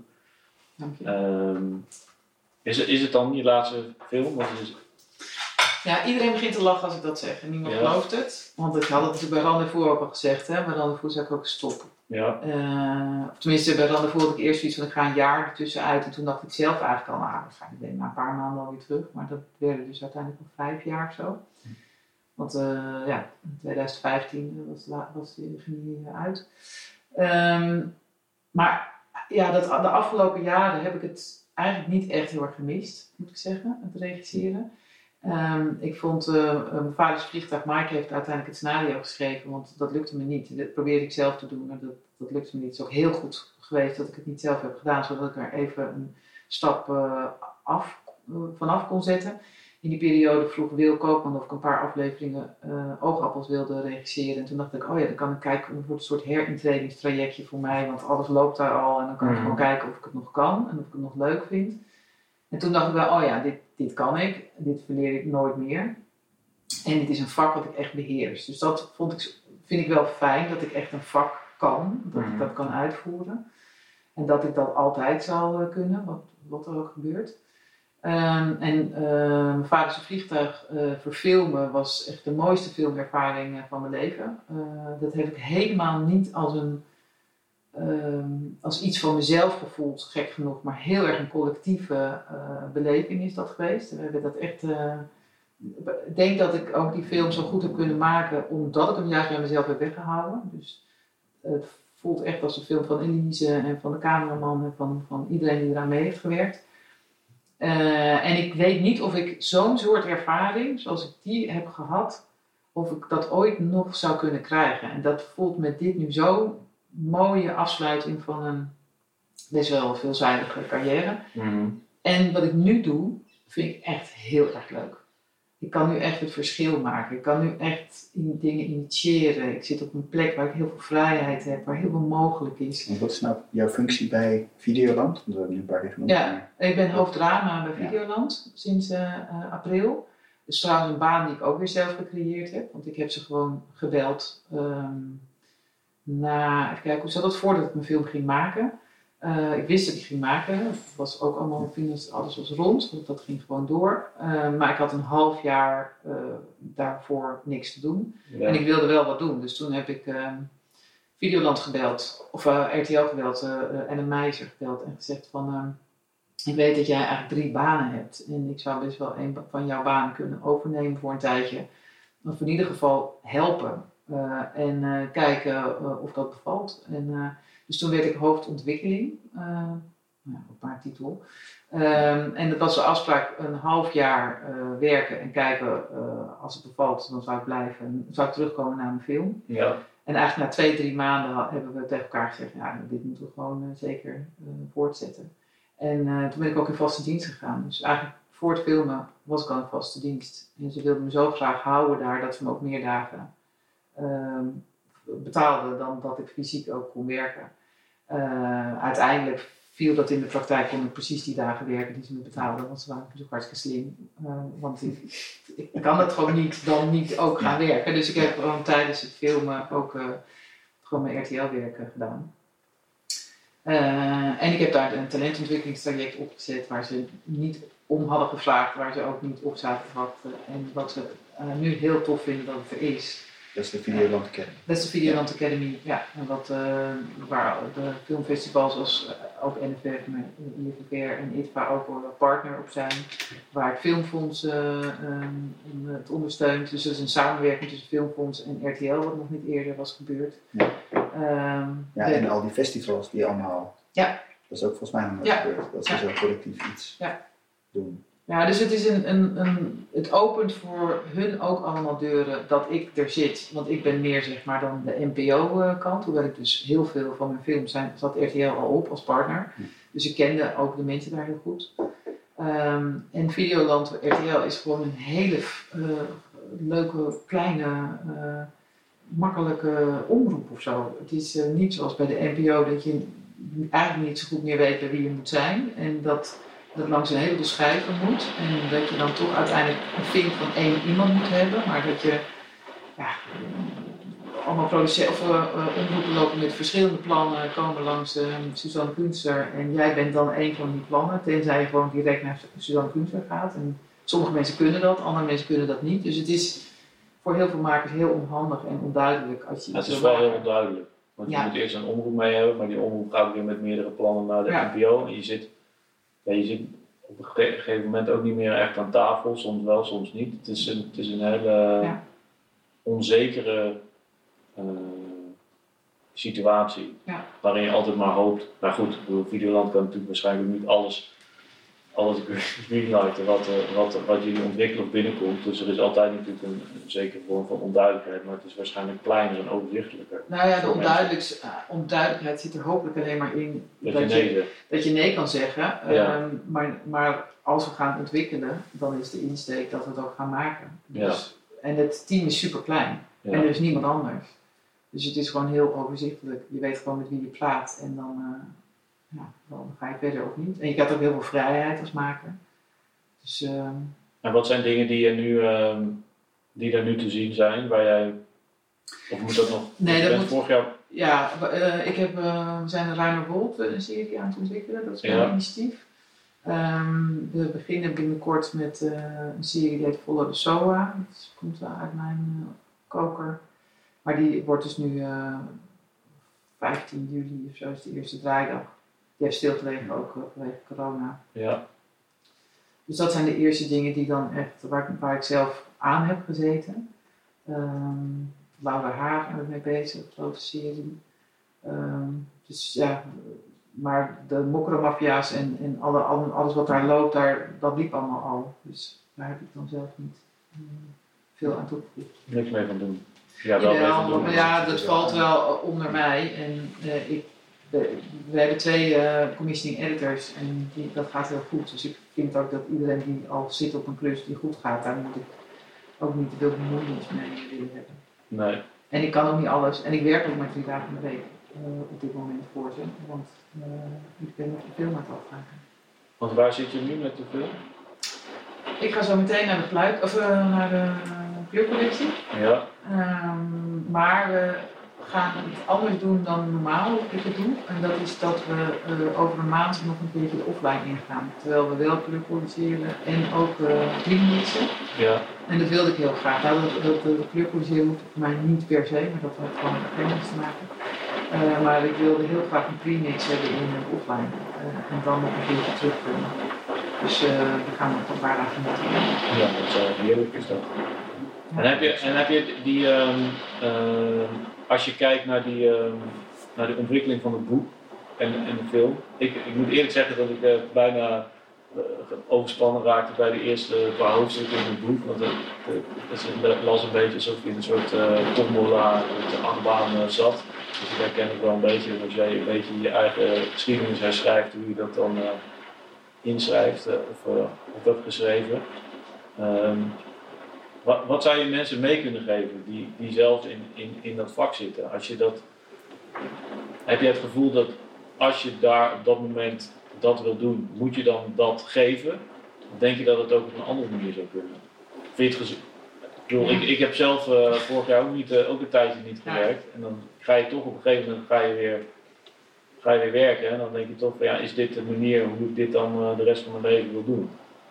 Ik vind het een lastige vraag, want ik merk dat ik nu weer net zo hard werk als daarvoor. Ja. Dus uh, ik heb de coronatijd nog nooit zo hard gewerkt. Ik heb gewoon twee banen. Uh, sinds ik bij RTL vaste dienst ben en de film doe, doe ik gewoon twee dingen tegelijkertijd naast elkaar. En dat betekent dat ik s'avonds, weekenden. Dat ik, maar ik merk toch dat als je iets doet wat je energie geeft, ja. dat is natuurlijk de grootste. Um, ja, dat, dat, is, dat, daar, dat is het. Je moet gewoon als het je energie geeft, dan kan je, kan je 20 banen aan. Dan kan je zeven dagen in de week werken. Maar Mhm. als er projecten tussen zitten die je alleen maar eh, energie kosten, en dat gaat je langzamerhand uitrollen, ja, dan, dan voel je denk ik ook niet meer iets wat potentieel e- energie had kunnen geven. Nee. Dus als ik erop terugkijk, denk ik, ja, eh, da- dat is waar ik voor moet waken. En dat is nu ook wel hoor. Dat ik, ehm, we zitten echt in een crisis eh, bij RTL eh, qua eh, geld. Ja. Ehm, de verliezen zijn echt intens daar. ehm, omdat er gewoon een miljoen per dag minder reclameinkomsten binnenkomen of zo. Dus het is echt, gaat echt om heel erg veel geld. Ja. Het budget van Videoland is gelukkig voor de komende twee, drie jaar staat dat gewoon vast. Dus afkloppen dat ze daar niet aan gaan zitten. Ja. Maar ja, we zitten met eh, extra coronakosten, met eh, garantiefonds, allemaal dat soort dingen. Eh, ik vind het soms heel ingewikkeld eh, spagaat waar ik in zit, omdat ik me heel erg goed kan identificeren met de makers. En dat ik tegelijkertijd nu aan de andere kant sta ineens en dan eh, moet gaan zeggen van, eh, dat sommige dingen niet kunnen. Ja. En als dat te veel gaat gebeuren, dan denk ik dat het mij uiteindelijk ook weer zou kunnen gaan uitrollen. Dus ik moet wel zorgen dat mijn werk wel echt leuk blijft wat dat betreft. Ja. En anders moet ik ermee stoppen. Want je kan het volgens mij niet half doen. Want dan ga je, dat, tenminste ik kan dat niet. Ik, ik, die Maar, ja, er- maar de risico is dat je natuurlijk dat, dat, dat je ehm, dat op het moment dat je in zo'n in die projecten zit, is dat je ehm, hoe moet je dat zeggen, dat je te, dat je het niet meer ehm, dat je het niet meer onder controle hebt. Want er zijn natuurlijk ook externe factoren. Ik bedoel, je hebt het zelf gehad met je Ja. een ongeluk, het overlijden van die, dan weer het leven gaat. Zeg maar, als je alle, als je alle levenselementen uit kan zetten, zeg maar, Ja. dan zijn dat soort dingen zijn soort van te controleren. Maar op het moment dat de dingen die je, kan, dat je, niet, meer, die je niet kan controleren, zo'n invloed gaat hebben op jouw proces, dan wordt het, dan wordt het ingewikkeld. Of in ieder geval dat. Ja, maar ja, het is, je legt wel precies de vinger op de zere plek. Je hebt ner- nergens, ook in het werk zelf, eigenlijk geen controle. En Nee, maar goed, je kan de camera aan en uitzetten. Ik bedoel, jij kan het frame, Ja. toch het frame. Nou ja, ik denk dat mijn werkproces bij een vaderse vliegtuig zo eh, inspirerend is geweest. Ja, Omdat ik eh, eigenlijk die controle heb losgelaten. Omdat ik dacht van, ik keek mijn script niet eens meer in. Ik was heel goed voorbereid. ja, Beter dan, dan dat verhaal, weet je wel. Ik kende het van haven tot gort. Ik had, nou, niemand hoefde mij iets te vertellen over waar het over ging of zo. ja, En eh, dus ik kon gewoon het helemaal loslaten, omdat ik het heel, heel goed wist wat ik wilde vertellen. ja, En daardoor raakte ik niet in de war eh, als iets anders ging dan we hadden bedacht. Eh, of eh, dat er eh, een voorstel kwam waarvan ik dacht, huh, wat moet ik daar nou mee? Dat past dat eigenlijk wel. En dat, dat ik het dan toch maar toeliet. En gaandeweg dacht ik, oh ja, ja, maar als we dan ook nog een beetje zus of zo doen, dan ko- komen we weer een beetje daaruit waar, waar ik het ooit wilde hebben. Die losheid maakte dat ik gewoon helemaal nooit moe was. En dat is eigenlijk hoe je volgens mij in het leven moet leren staan. Dat je niks, dat je nergens controle over hebt. Nee. En dat als je dat kan accepteren, eh, en dan dus ook kan accepteren dat het mag falen. Want ik- denk dat dat de grootste les is die ik zelf heb geleerd met het boek eh, en nu ook weer met de film.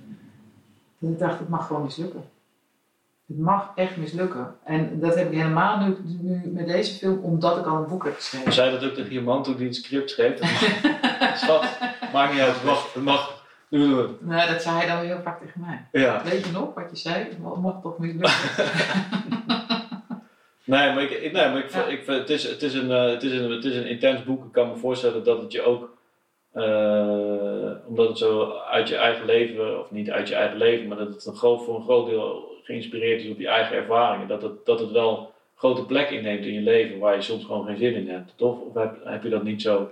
Wat, een boek? Nou, boek, verhaal, de film, dat je. Eh, nou, kijk, ik ben wel klaar. Als deze film klaar is, ben ik er ook echt helemaal klaar mee. Want Ja. eh, ik had eh, tijdens het schrijven van het boek ook, dat ik af en toe dacht van, Jesus Christ, weet je, je moet toch diep dingen aan gaan boren om, om er te komen. En ja, waren er echt wel weken dat ik dacht, ik vind er gewoon helemaal geen, geen zak meer aan. Daar werd ik er gewoon heel somber van. Ja, Bij de film heb ik dat helemaal niet gehad. Om, nou ja, nogmaals, omdat ik ook nergens het gevoel heb gehad dat het over mij ging. Dat ik ook niet meer die, dat boren, dat was al gebeurd. Dus ik kon nu gewoon eh, gaan eh, oogsten, zeg maar. Dus het is niet zo'n plas als gedaan, je hoeft het alleen nog maar in elkaar te zetten. Ja, Ja. eigenlijk wel. Ja. En, en heb je, ehm, als je dan in, je, in jouw Videoland-positie nu, nu, nu zit, heb je dan, eh, zijn er bepaalde onderwerpen die, waar je denkt van ja, daar, wat kun je van, van jou daarin zien, zeg maar? Is dat, Nou, zo persoonlijk, maak je het niet? Nee? nee, zo persoonlijk maak ik niet. Nee, ik probeer mezelf ook niet meer aan tafel te zitten als maker. Nee. Eh, Ik bedoel, ik nodig wel steeds alle makers met wie ik aan tafel zit, mij zo te zien en niet als de zender te zien en mij gewoon te gebruiken voor eh, sparren en noem maar op. Ja, Eh, dus dan, maar, maar niet dat wat ik zeg, want dat het dan ook zo moet of zo. ja, Dus ja, we moeten dat gewoon nu bij andere mensen neerleggen. Ehm nou ja, eh, ik sla natuurlijk wel aan op sommige dingen. Ruiner Wold sloeg ik gewoon heel erg op aan. Oh, Ik denk, ja, dat is de enemy within. Dat is natuurlijk wel een afgeleide, eh, in die zin, ik kom helemaal niet uit een Ruiner Wold situatie. Maar ik herken wel dat als het heel onveilig is, eh, thuis op een plek waar je heel veilig zou moeten zijn. En ja, de vader eh, eigenlijk de, de, de, de, de, de vijand is, terwijl je dat niet weet. Dat is natuurlijk wat het Ruine Wolf verhaal. Dus dat, dat zo'n psychologisch drama, dat spreekt mij dan wel meteen heel erg aan. ja, Maar Follow the Soa, ja, dat is een soort sex education-achtige serie. Ik vind gewoon dat er zoiets moet zijn. Er moet gewoon iets zijn wat en om te lachen is en eh, eh, wat echt ergens over gaat. eh, wat een bepaalde cultuur belicht. waar diversiteit go- goed vertegenwoordigd is. En ik ben daar ook op dit moment heel erg mee bezig. Dat ik zorg dat er ehm, bij Mokromafia dat ook vrouwenschrijvers binnenkomen. Dat daar eh, ook eh, vrouwenrollen wat meer aandacht gaan krijgen. En ehm, dat, weet je, ik, ik heb een positie waar ik eigenlijk een soort van, van ehm, het verschil kan maken en ook een verantwoordelijkheid heb. En die wil ik Mhm. dan ook heel graag nemen. En jonge talenten vind ik super belangrijk. Ik ben ook steeds mee bezig, behalve de Videoland Academy, maar ook om andere ehm, ja, bronnen aan te boren dat we, of andere projecten te initiëren, dat we gewoon jonge makers eh, sneller eh, kansen kunnen geven. Sneller gewoon bij ons aan de bak kunnen komen. En hoe zit dat bij, bij RTL zelf? Is dat, is dat een, eh, een, eh, RTL ik kan me voorstellen dat het nu in deze situatie sowieso ingewikkeld is, natuurlijk voor heel veel eh, partijen om heel veel geld te zetten op dingen waarvan je eigenlijk niet zo goed weet wat er eh, Ja, uit gaat komen. Maar Nou, het grappige is dat RTL en Videoland, het is natuurlijk één, maar het Ja. zijn twee totaal verschillende partijen. Eh, Videoland heeft een heel ander DNA, heeft een hele andere ambitie. En gelukkig eh, is er ook vanuit de, de RTL-groep, vanuit Luxemburg, is er gewoon gezien dat dat eh, de toekomst heeft. Dus dat daarin geïnvesteerd moet worden. Dus daar is gewoon een visie op eh, ontwikkeld en dat, daar zijn we nu, zitten we in. Ja, En eh, daar valt dan eh, die Videoland Academy ook in. Maar het is wel zo dat af en toe er, eh, hoor ik wel mensen bij RTL zeggen, zeg, die Videoland Academy, dat geld eigenlijk niet eh, beter gebruiken?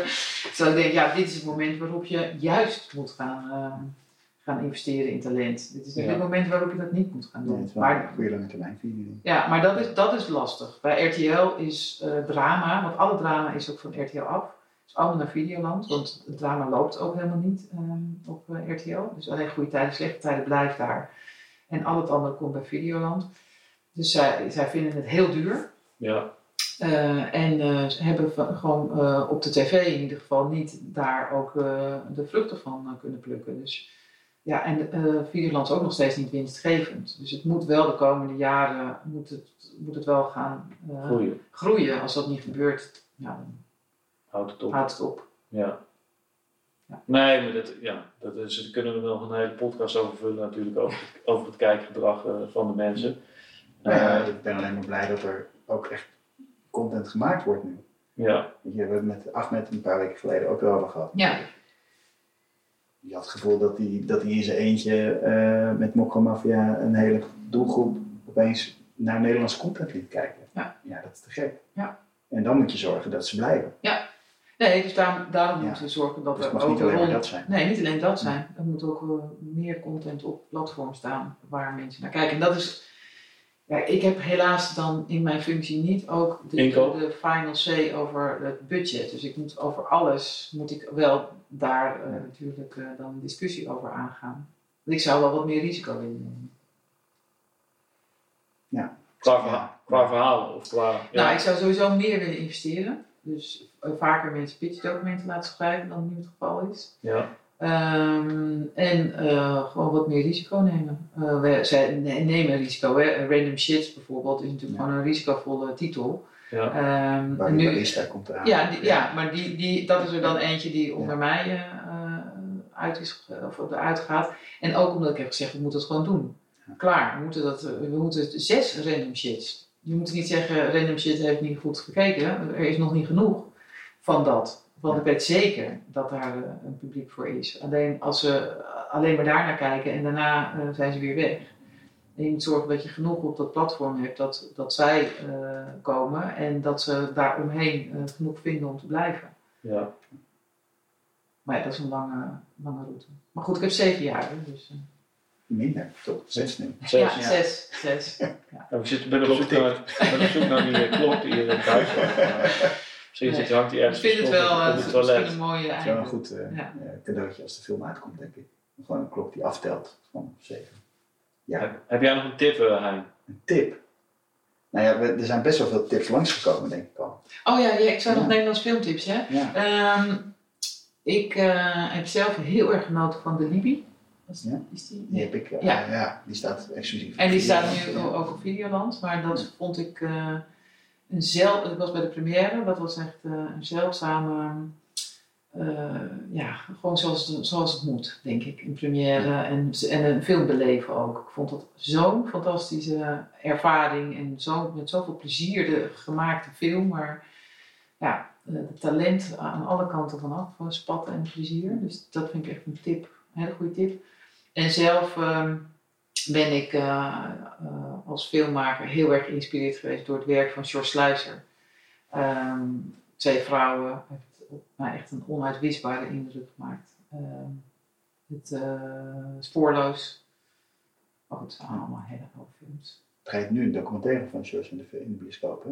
Oh ja. Nou, misschien, moet, maar misschien moet Videoland gewoon een VH, VHS, eh, VH, een VHS-knop doen. Dus dat je zeg maar je, al het nieuwe HD 4K materiaal, en dan kun je op VHS drukken en dan heb je gewoon al, alle oude Videoland eh Ja, we hebben wel nostalgie, eh, hè, noemen ze dat dan? nostalgie. Ja, Ja. daar zitten dan eh, de daar oude, oude series. Maar daar zou dan eh George zeker in passen. En hij heeft een documentaire gemaakt over het Holland Pop Festival, wat nu 50 jaar geleden is. Oh, hij heeft ooit die documentaire en die gemaakt. draait nu. En die draait nu in, Ah. de, in de bioscoop. Weer, gerestaureerd door AI.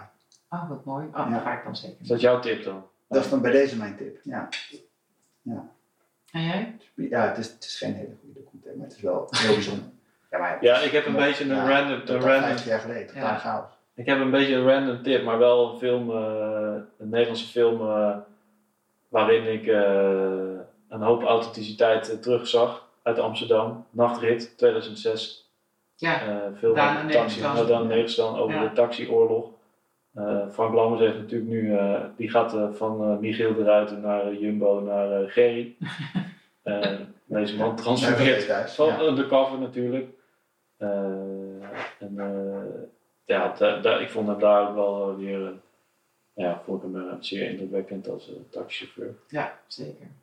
Dus dat, dat is mijn tip. Ik ga even jouw draaiboek erbij eh, pakken. Want we gaan langzaamaan naar het einde van deze vijfde aflevering alweer. Waar heb je, hoe heb je hem uitgeprint? Oh, uh, mede mogelijk gemaakt door het Nederlands Filmfestival, Amongst Friends. Moeten we nog steeds een keer een aflevering over praten, maar het begint nu een beetje tragisch te worden dat het eh, niet gebeurt. Eh, ik zou zeggen, volg ons, at de Cutcast. Heb je een, eh, heb je een berichtje, stuur het het Hein van Joden of at Julius Ponte. Dan wou ik Undrop bedanken voor het prachtige logo. Aramis Gonzales voor het camera- en editwerk. En dan eh, zeg ik, eh, mensen, geniet van deze zomer. Antoinette Beumer natuurlijk ook bedankt voor je gastvrijheid in je eigen huis. Dankjewel. Graag gedaan.